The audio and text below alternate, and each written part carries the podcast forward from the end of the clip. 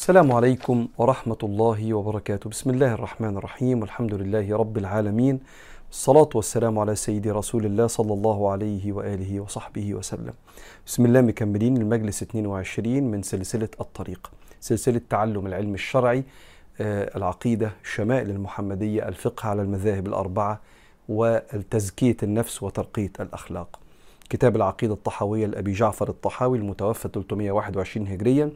كتاب الشمائل المحمدية للإمام الترمذي الإمام الكبير المحدث كتاب الفقه الواضح من الكتاب والسنة للدكتور محمد بكر إسماعيل من علماء الأزهر وكتاب أيها الولد للإمام الغزالي حجة الإسلام المتوفى 505 هجرية.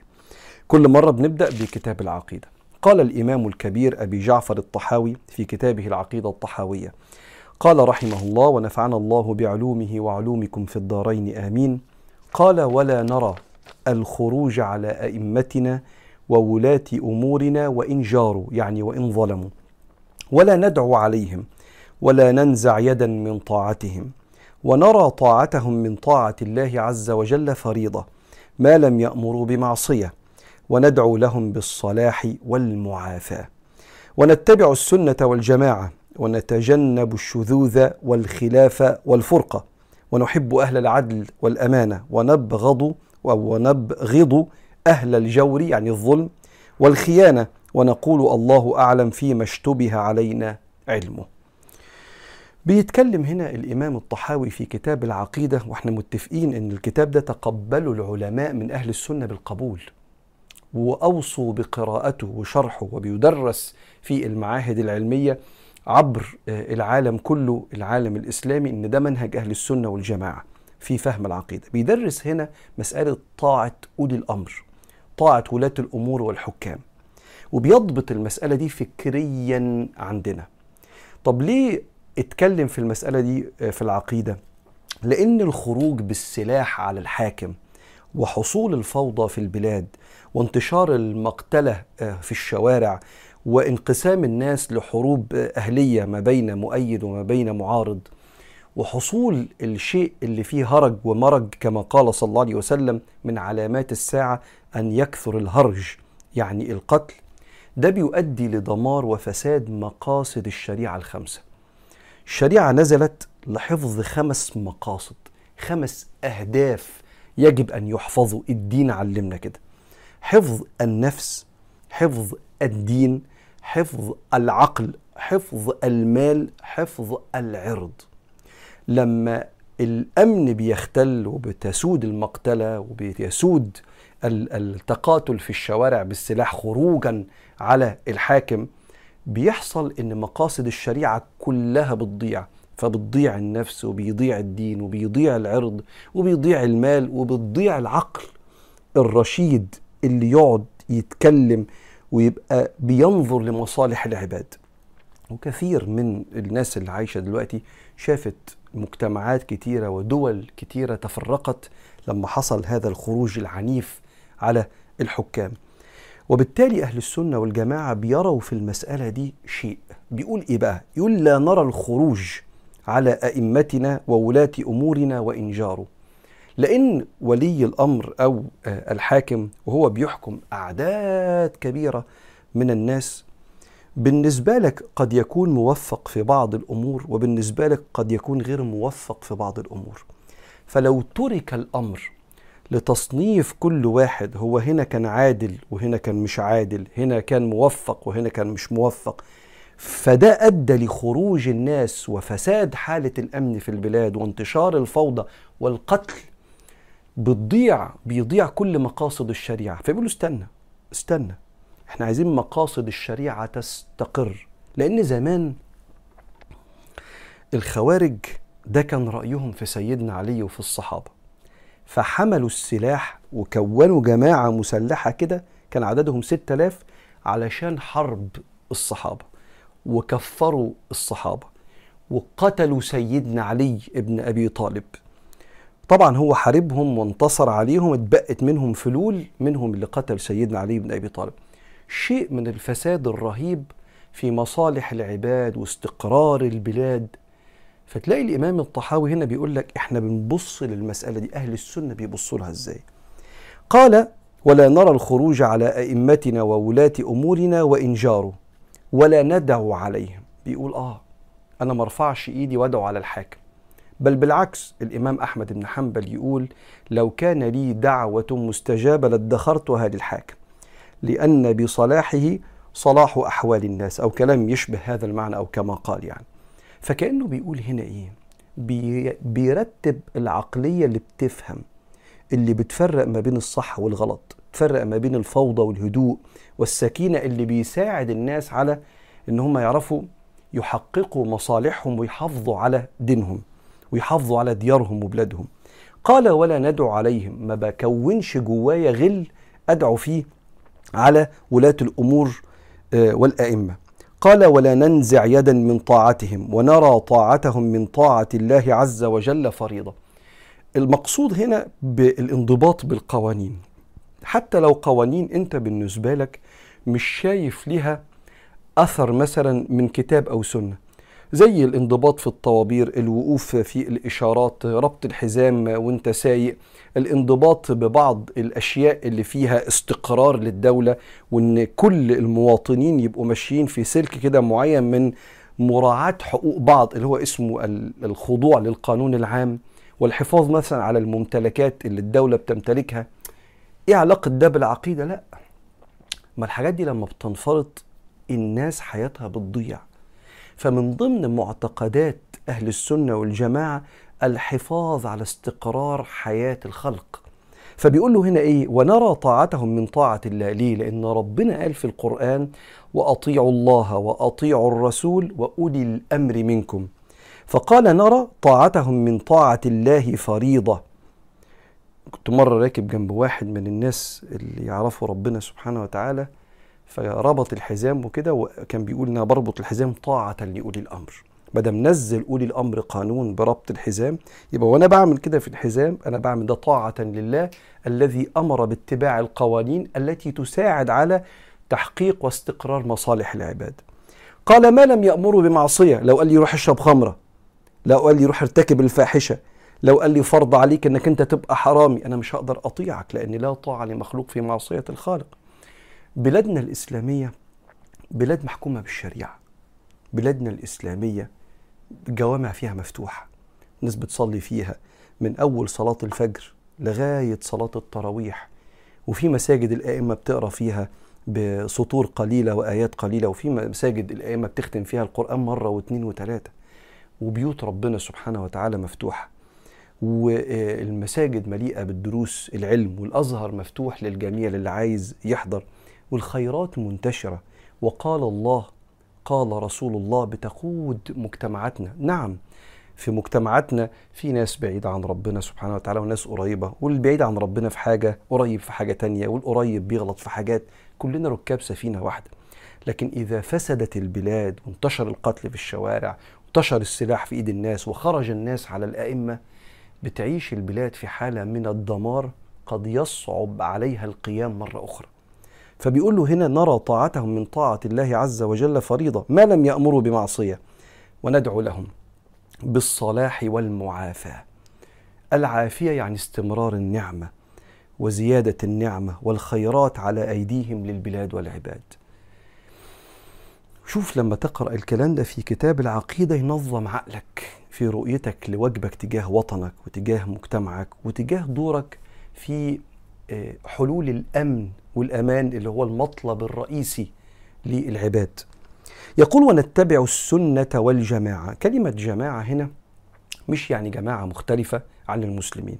الجماعة يعني عموم المسلمين. اسمهم أهل السنة والجماعة. انضبطوا بسنة النبي وصاروا جماعة من المسلمين.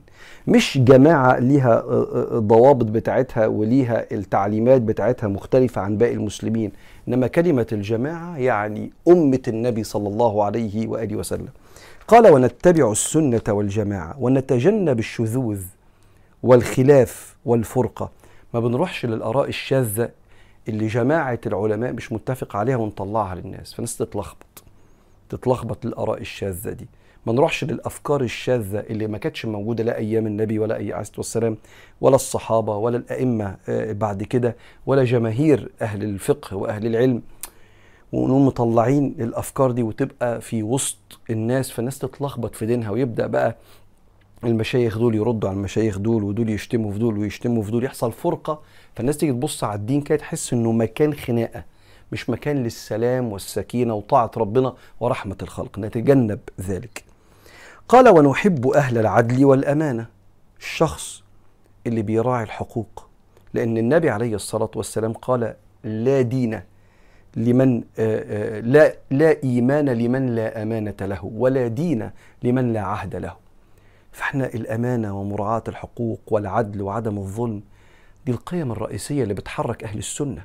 وعلى أساسها الإنسان بيحب وما بيحبش. قال ونحب أهل العدل والأمانة ونبغض أهل الجور والخيانة. جور يعني الظلم اللي تتعامل معاه في قرشك. ياكل ياكل قرشك وما يفرقش معاه شقى عمرك. اللي يشهد ضدك شهادة زور عشان يضيع مستقبلك. اللي ما يفرقش معاه إنه يديك كلمة وبعدين يخلفها لأنه ملوش كلمة.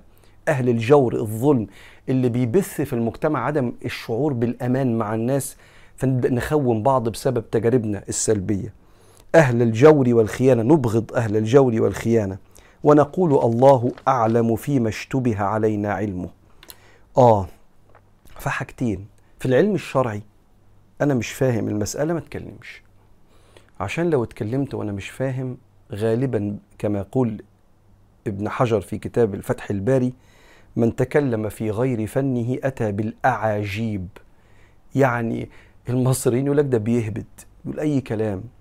والبني آدم لما يكون ما يعرفش ويتكلم دي شهوة لحب الظهور وشهوة لإثبات الوجود حتى لو بالباطل. الحاجة التانية اللي ما اتكلمش فيها لو مش فاهم المعلومات الخفية عندي. أنا يا دوبك بعرف أدور نفسي وأدور بيتي. ورؤيتي للمجتمع ورؤيتي للعالم ورؤيتي لسياسات الدول ورؤيتي للخطط الاقتصادية. حلو حلو. دردش مع بعض كده على قد معلوماتنا. لكن إذا غاب عن الإنسان معلومات كثيرة ما يعرفش ثلاث أرباعها وعنده رؤية بسيطة على قده فليتكلم على قدر علمه وليسكت فيما اشتبه عليه. أنا مش فاهم. فاللي مش فاهم يسيب كل تخصص لأهل الفهم فيه. فما دام الإنسان ده أهل تخصص وأهل فهم يبقى أهل ذكر. نسأله. وده الخبير اللي ربنا قال ولا ينبئك مثل خبير.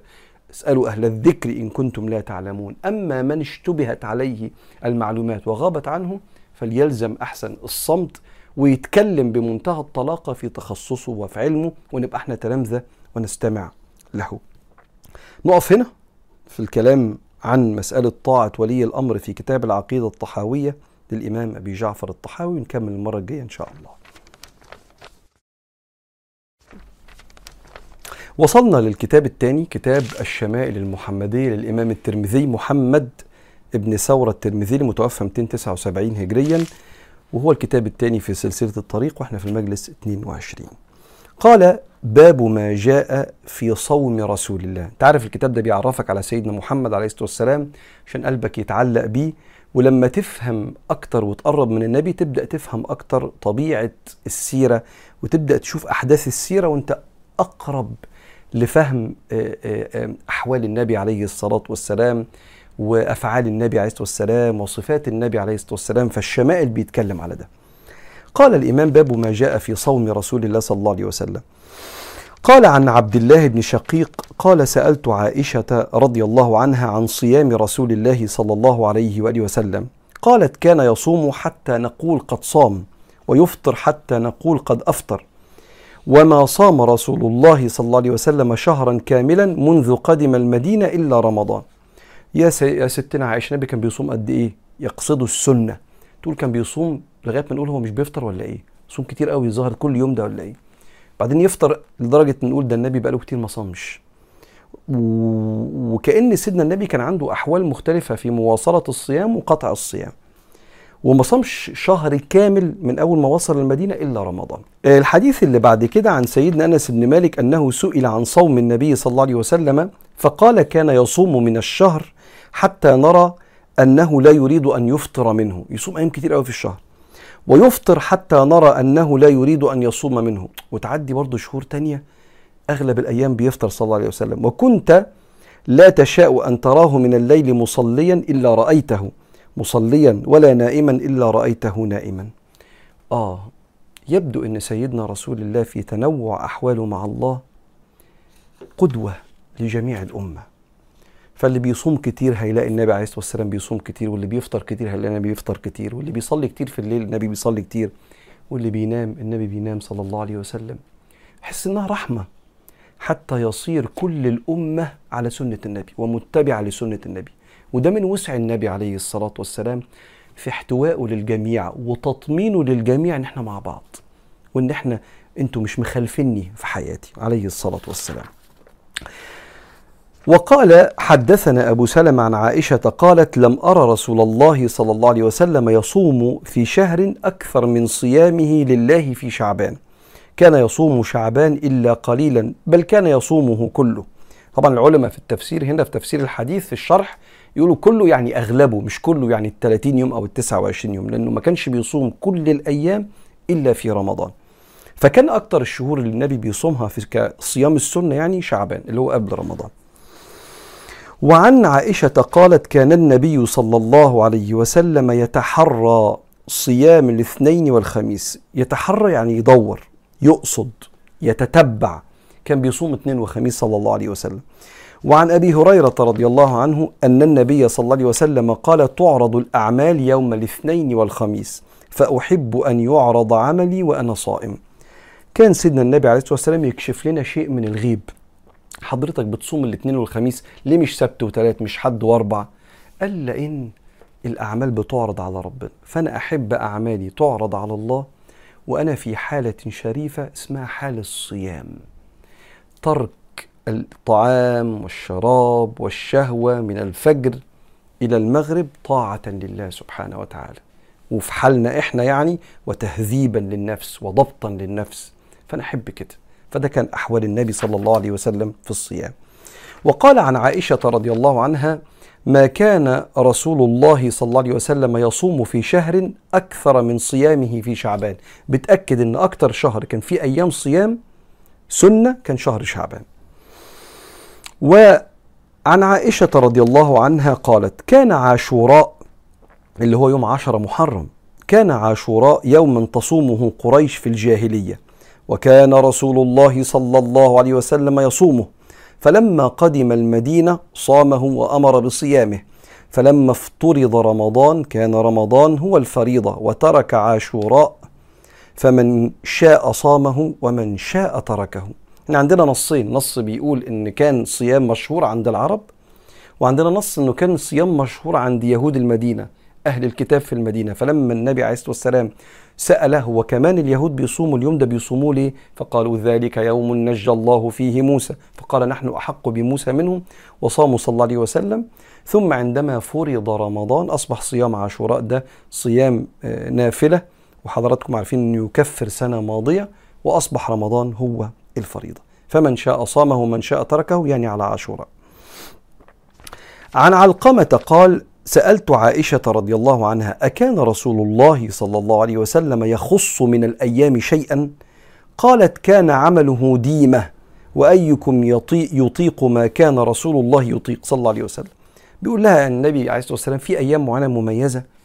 فقالت له الصراحة النبي كان عمله دائم وكان باستمرار بيعمل الأعمال سواء في قيام الليل أو في الصيام ومين زي مين فيكم يطيق اللي النبي كان بيعمله في العبادة. بتقول له كده رضي الله عن السيدة عائشة. وعن عائشة قالت دخل علي رسول الله صلى الله عليه وسلم وعندي امرأة. فقالت فقال هو عليه الصلاة والسلام من هذه؟ قلت فلانة التي لا تنام بالليل أو فلانة لا تنام الليل. فقال عليه الصلاة والسلام عليكم من الأعمال ما تطيقون فوالله لا يمل الله حتى تملوا. وكان أحب ذلك إلى رسول الله صلى الله عليه وسلم الذي يدوم عليه صاحبه. آه. بتقول السيدة عائشة كان عندي عندي واحدة صاحبتي قاعدة معايا فالنبي دخل قال مين معاك يا عائشة؟ قلت له دي فلانة اللي ما بتنامش كأنها بتشكر فيها يعني من كتر الصلاة يعني.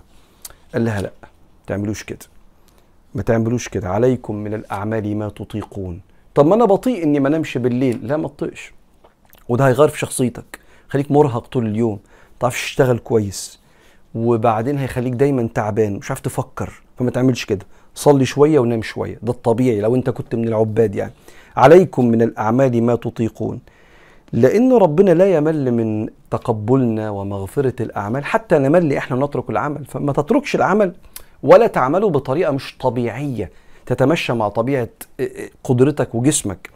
فقال وكان أحب ذلك أي أحب الأعمال إلى رسول الله الذي يدوم عليه صاحبه. وفيها إشارة إن صاحب العمل ده ما يقدرش يداوم يقعد طول حياته بيصلي ما بينامش بالليل. والحديث اللي بعد كده عن أبي صالح قال سألت عائشة وأم سلمة أي العمل كان أحب إلى رسول الله صلى الله عليه وسلم؟ قالتا ما ديم عليه وإن قل. إيه أحب الأعمال لسيدنا محمد؟ صيام قيام ذكر. سو هو جايبه في باب الصيام هنا. قال له أحب الأعمال اللي صاحبه يداوم عليه حتى لو قليل قوي. فاللي بيصوم اثنين وخميس بيصوم ثلاثة أيام في الشهر اللي بيصوم يوم في الشهر اللي بيصوم رمضان فريضة أقل حاجة ما ينفعش أقل من كده. المهم الإنسان يبقى ماشي مستديم ولما يزود يزود زيادة يعرف يستديم عليها مش يروح في حتة وبعدين يزهق قوي فينزل ينتكس لا يمشي كده بعدين لو عايز يزود بعدين يكمل بعدين عايز يزود وبعدين يكمل. فتلاقيه بعد فترة من عمره مستديم لكنه في زيادة. ده كان باب ما جاء في صيام سيدنا رسول الله عليه الصلاة والسلام ونكمل المرة الجاية إن شاء الله. وصلنا للكتاب الثالث في المجلس ال 22 وهو كتاب الفقه الواضح من الكتاب والسنة على المذاهب الأربعة لسيدنا الدكتور محمد بكر إسماعيل من كبار علماء الأزهر هو متوفى سنة 2006 وصلنا مع الإمام للمسح على الجبيرة. بني آدم ممكن إيده تتكسر أو تتشرخ فيحط جبيرة جبس يعني أو يتعور تعويرة فيربط برباط ضاغط تحته قطن وتحته شاش وتحته يعني الحفظ الجرح إنه عشان يلتئم. طب ما هو الجبيرة أو الرباط الضاغط اللي تحته شاش ده عشان فيه جرح ده أنا ربطته على عضو فرض من فرائض الوضوء. طب أعمل إيه في العضو ده يا جماعة؟ فهنتكلم في الموضوع ده دلوقتي. العلماء والفقهاء ما سابوش حاجة لأن القرآن والسنة ما سابوش حاجة في أحوال الناس عشان نفضل دايما مع ربنا وبنعبد ربنا. الجبيرة هي ما يربط به العضو المجروح أو ما يشد به العضو المكسور. فإذا جرح الإنسان أو أصابه كسر في أحد في أحد أعضائه ولم يقدر على استعمال الماء أو كان الماء يضره أو يؤخر شفاؤه أو يحدث له ألما أشد أو أشد فله أن يمسح على الجرح. آه إيه ده؟ ده أنا لو شلت الرباط الضاغط ده وتوضيت على الجرح ممكن أتألم ممكن يأخر شفائي. فواحد يطلع عنده حماس كده جواه يقول طب ما يأخر شفائك ما تتألم. كله في سبيل قال له لا لا. ده ألم في تكلف. يعني إن الله زي ما سيدنا النبي عليه الصلاة والسلام شاف واحدة واقفة في الشمس وهي بتحج كده مش عايزة تقعد في الظل.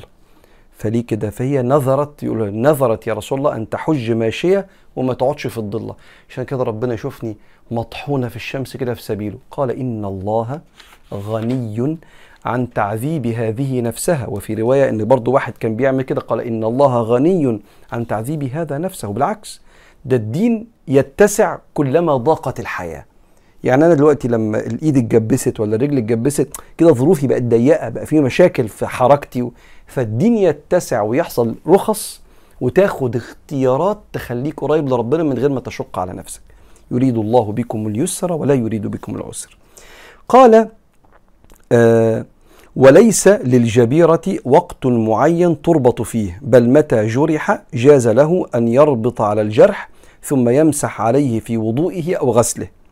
وليس من يعني انت عارف ال ال كنا لسه بنذاكر مع بعض المسح على الجورب أو المسح على الخف فيبقى يوم واحد خمس فرائض للمقيم ولازم ترجع للكلام ده وثلاث أيام 15 تقريبا فريضة للمسافر.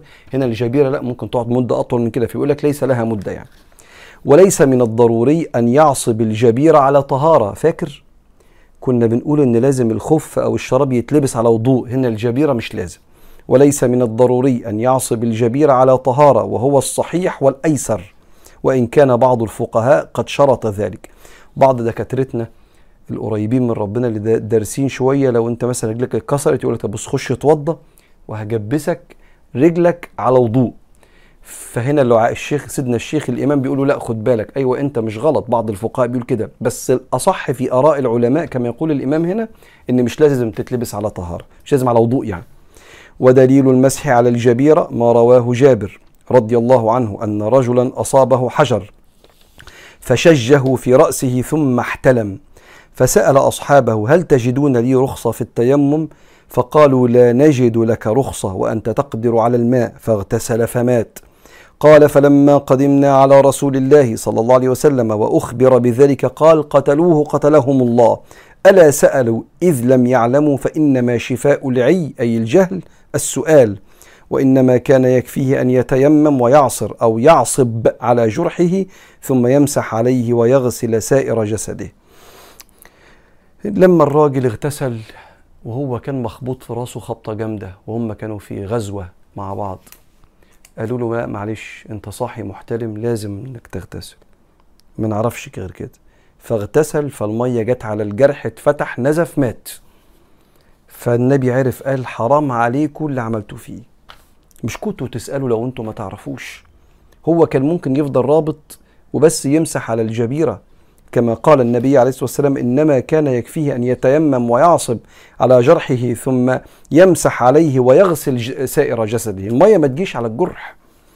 ويبطل المسح على الجبيرة بنزعها من مكانها، خلاص. شلت الجبس خلاص ما فيش يبقى أنت كده محتاج تتوضا. يعني كأني إيه؟ كأني بيقول هنا الإمام إيه؟ سواء برئ الجرح أم لم يبرؤ وعندئذ يجب عليه أن يعيد وضوءه من جديد بعد أن يعصب عليها مرة أخرى آه اتوضيت أنا على الجبيرة وبعدين غيرتها لما غيرت الجبيرة وشلتها من العضو آه بس لسه العضو فيه جرح فهربط الرباط تاني آه لا يبقى امسح تاني أنت كده بطل المسح اللي أنت كنت لسه مسحه شوية على الرباط الضاغط اللي انت حاطه على الجرح بتاعك. ويبطل المسح كذلك إذا برئ الجرح سواء نزعت الجبيرة أم سقط نزعت الجبيرة أم سقطت من مكانها أم ظلت كما هي فإن المسح كان جائزا وقت إن كان العضو أو وقت أن كان العضو عليلا يعني عيان. فإذا ما برئ الجرح زال العذر. واحد لسه رابط والجرح زي الفل لا خلاص بقى. فك الجبيرة ولا فك الرباط الضاغط علشان كان المسح على الجبيرة بسبب إن في عضو متألم أو مكسور أو مجروح. فإذا زال العذر بتاعك ما بقاش فيه زي عذر للمسح على الجبيرة. تعالوا نتوقف هنا ونكمل المرة القادمة إن شاء الله. وصلنا للكتاب الرابع في سلسلة الطريق المجلس 22 وهو كتاب أيها الولد للإمام حجة الإسلام أبو حامد الغزالي المتوفى سنة 505 قال رحمه الله ونفعنا الله بعلومه وعلومكم في الدارين آمين أيها الولد. قد علمت من هاتين الحكايتين أنك لا تحتاج إلى تكثير العلم والآن أبين لك ما يجب على سالك سبيل الحق. بيقول له يا ابني أنا عمال أحكي لك من أول الكتاب وحكيت لك حكايتين. تقدر ترجع في المجالس اللي فات للحكايتين دول منهم حكاية حاتم الأصم وشقيق البلخي. علماء كانوا مع بعض فحكى له قصتهم مع بعض عشان يتعلم يعني. قال له بس أنا عايز أقول لك على حاجة. القضية مش قضية علم بس. القضية حاجة تانية أنت محتاجها. ليه بيقولوا القضية مش قضية علم بس؟ لأن البني آدم ممكن يدمن العلم ودي حاجة جميلة لمجرد العلم وليس للعمل. فيبقى عنده معلومات كتيرة قوي بس مش بيعمل بيها فيبقى علم لا ينفع. وعلم لا يؤثر في الرحمة ولا الأخلاق ولا عمارة الأرض ولا خدمة الخلق. قال له يا ابني القضية مش كده. وكان حتى الناس وإحنا بندرس سايكولوجي وبندرس بعض العلوم يقول لك أنت ما تقعدش تحضر كورسات كتير وتحضر دورات تدريبية كتير من غير ما تفكر أنت بتعمل إيه بالعلم ده عشان ما تبقاش شهوة التعلم هي اللي بتسوقك لكن العمل قليل. فبيقول له هنا أنت محتاج ان كنت سالك ماشي في طريق الحق محتاج بعض الحاجات. وبعدين قال له كلام ذهب. فافتح قلبك. قال فاعلم أنه ينبغي للسالك اللي ماشي في طريق ربنا بيسلك طريق ربنا. ينبغي للسالك شيخ مرشد مرب ليخرج الأخلاق السيئة منه بتربيته ويجعل مكانها خلقا حسنا. ومعنى التربية يشبه فعل الفلاح الذي يقلع الشوك ويخرج النباتات الأجنبية من بين الزرع ليحسن نباته ويكمل أو ويكمل ريعه. ولا بد للسالك من شيخ يربيه ويرشده إلى سبيل الله تعالى. لأن الله أرسل, أرسل للعباد رسولا للإرشاد إلى سبيله. فإذا ارتحل صلى الله عليه وسلم فقد خلف الخلفاء في مكانه. حتى يرشدوا إلى الله تعالى. وشرط الشيخ الذي يصلح أن يكون نائبا لرسول الله صلوات الله وسلامه عليه أن يكون هنقف هنا. بيقول له يا ابني أنت لازم يبقى عندك شيخ يربيك بس الشيخ ده فيه صفات بس استنى. وبيقول له إيه؟ بيقول له أنت لازم يبقى عندك معلم. ليه يبقى عندك معلم؟ يربيك والعالم اللي لازم يبقى في حياتك المرشد المربي ده لازم يبقى عنده أكتر من نوع من العلم. عنده علوم شرعية وعنده علوم للتزكية لإصلاح الأخلاق. عشان ما يبقاش عنده علوم شرعية فتنبهر وهو بيقول لك في مستدرك الحاكم من حديث سمرة بن جندب أنت تقول إيه ده؟ مين سمرة بن جندب؟ ده صحابي أصل الشيخ ده عارف كتير قوي لدرجة إنه عارف صحابة أنت ما تعرفهمش. طب وإيه مستدرك الحاكم؟ آه ده كتاب فيه أحاديث إيه ده مش البخاري ومسلم ده يبدو إن الشيخ ده متعلم فعارف أسماء كتب غايبة عننا. لا هي غايبة عنك أنت عشان أنت طالب علم ولسه بتتعلم. بس العلماء عارفين الكلام ده كله. فلا يكفي إن البني آدم يبهرك بمكتبة كبيرة حواليه ويبهرك بكتب كتير بيقول لك أسمائها. لا لازم الشيخ ده اللي عنده معلومات كتيرة يبقى المعلومات بتاعه بتن... بتاعته بتنفعه في أخلاقه. فيخش معاك في رحلتك ينقي من عندك. ينقي من عندك إيه؟ الخلق السيء. حط مكانه خلق آه كويس. وأنا أذكر في صحبتنا للشيخ كان يركز معانا على تريقتنا وإحنا بنتريق على بعض. وعلى كذبنا وإحنا بنكذب وإحنا بنهزر. وعلى مواعيدنا وإحنا بنهتم بمواعيدنا. وكان مثلا سيدنا الشيخ يقول إيه؟ يقول أقول لك حاجة غريبة شوية. من يقول لك مثلا ما تحطش الكتاب القلم جوه الكتاب كده. فنقول له ليه يا مولانا؟ نقول يقول لأن الكتاب فيه العلم وهو الأشرف. فلا يستخدم الأشرف اللي فيه العلم قال الله قال الرسول قرآن وسنة في حفظ الأداة. يعني ما يستخدمش الحاجة العالية إنك تحافظ بيها على الأداة بتاعتك. لا. فكاني إيه؟ كأني جبت حاجة شريفة واستخدمتها كده عشان أحط جواها حاجة أقل شرفا. فبقت الحاجة الشريفة بستخدمها. وكان مثلا سيدنا الشيخ ما تقعدش حاط إيدك على الكتاب كده وأنت ساند بتاكل السندوتش ليه؟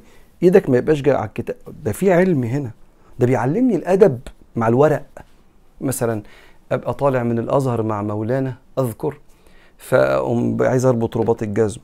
فأنا في إيدي الكتب اللي بنذاكرها مع بعض. فأحطها كده جنبي على الأرض وأربط رباط الجزمة اللي على الأرض دي الكتب هو أنا ينفع أبقى شايل كده؟ هرمي الكتب على الأرض كده؟ أيوه هي مولانا ما هي جنب هي على السجاد. لا ده الكتب دي تتحط على الراس اربط الجزمة براحتك بس الكتب دي في حضنك. ما تحطش كتب على الأرض. عايزك بس تتخيل لما يكون الشيخ بيربيك على الأدب مع الورق اللي فيه علم شريف فما بالك الأدب مع الإنسان؟ مقصود الله من الخلق. ما بالك الأدب مع أبوك وأمك ومع مراتك وعيالك وجوزك وعيالك واصحابك. شيخ يشوف عندك حاجة كده يقول لك خد بالك من دي عشان دي من وراها في حاجة. وراها في مرض في القلب طلع السلوك ده. وطبعا الشيخ ده الطبيعي إنه ما يكونش بيتكلم بما لا يفعل. فيبقى لي خد بالك مش عارف هو عمال يغتاب ويبهدل في الناس ويتريق على خلق الله ويبقى بيهينك وهو بيتعلم. لا ده هو بيحترمك لدرجة أنت مش مصدق إن في ناس كده في الدنيا محترمة وطيبة وحنينة وكريمة و... فأنت في سكتك لربنا سبحانه وتعالى محتاج هذا الشيخ المربي الذي ينقي الأخلاق السيئة ويحط مكانها أخلاق حسنة. ولو ما عندكش الشيخ ده كتر الصلاة على النبي. لأن الصلاة على النبي زي ما مولانا بيقول شيخ من لا شيخ له. تربط روحك بالنبي عليه الصلاة والسلام. وتروح تسأل اللي بتثق فيهم من المشايخ اللي أسمعهم على ال YouTube وال SoundCloud بحيث إن يقول لك تسمع مين فتسمع العلم بس ما تبقاش متكبر. لأنك أنت ممكن تسمع العلم من شيخ بيدرسه باستعلاء شايف المجتمع كله فاسق وأنت أصلا أنت كمان فاسق وجاي تتعلم الحق نفسك أنا خايف عليك لحسن هتتعذب فالحق نفسك وتعلم معايا ف...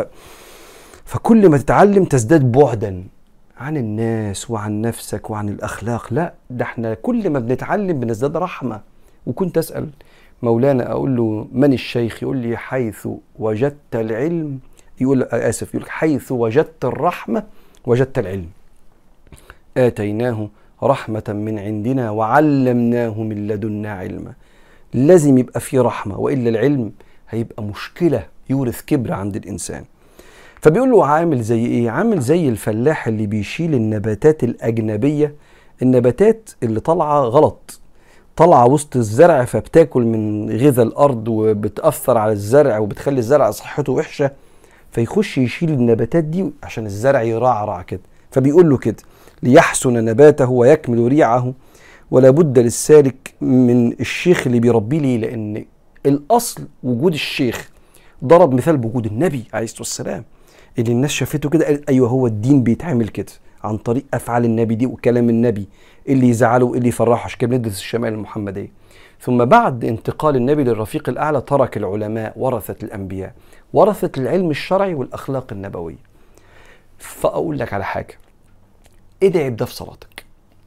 ادعي إن ربنا يرزقك الشيخ المربي اللي يعلمك العلم الشرعي ويعلمك الأدب. فتبقى متزن علمك ينفعك وينفع غيرك. وبعدين بقى هيبدأ يقول كلام يعني غالي قوي. وأنا هشكر فيه براحتي لأنه مش كلامي كلام سيدنا الإمام الغزالي. اتكلم على صفات الشيخ. فإيه؟ إما تسمعها فتدور على الشيخ اللي كده وإما تسمعها فتبقى دي صفاتك. صفاتك أنت لأنه هيقول صفات حلوة قوي. بس أنا عشان عايز أبدأ المرة القادمة بإذن الله في الكلام في صفات الشيخ فنتوقف هنا والمرة الجاية إن شاء الله نتكلم عن صفات العالم المربي.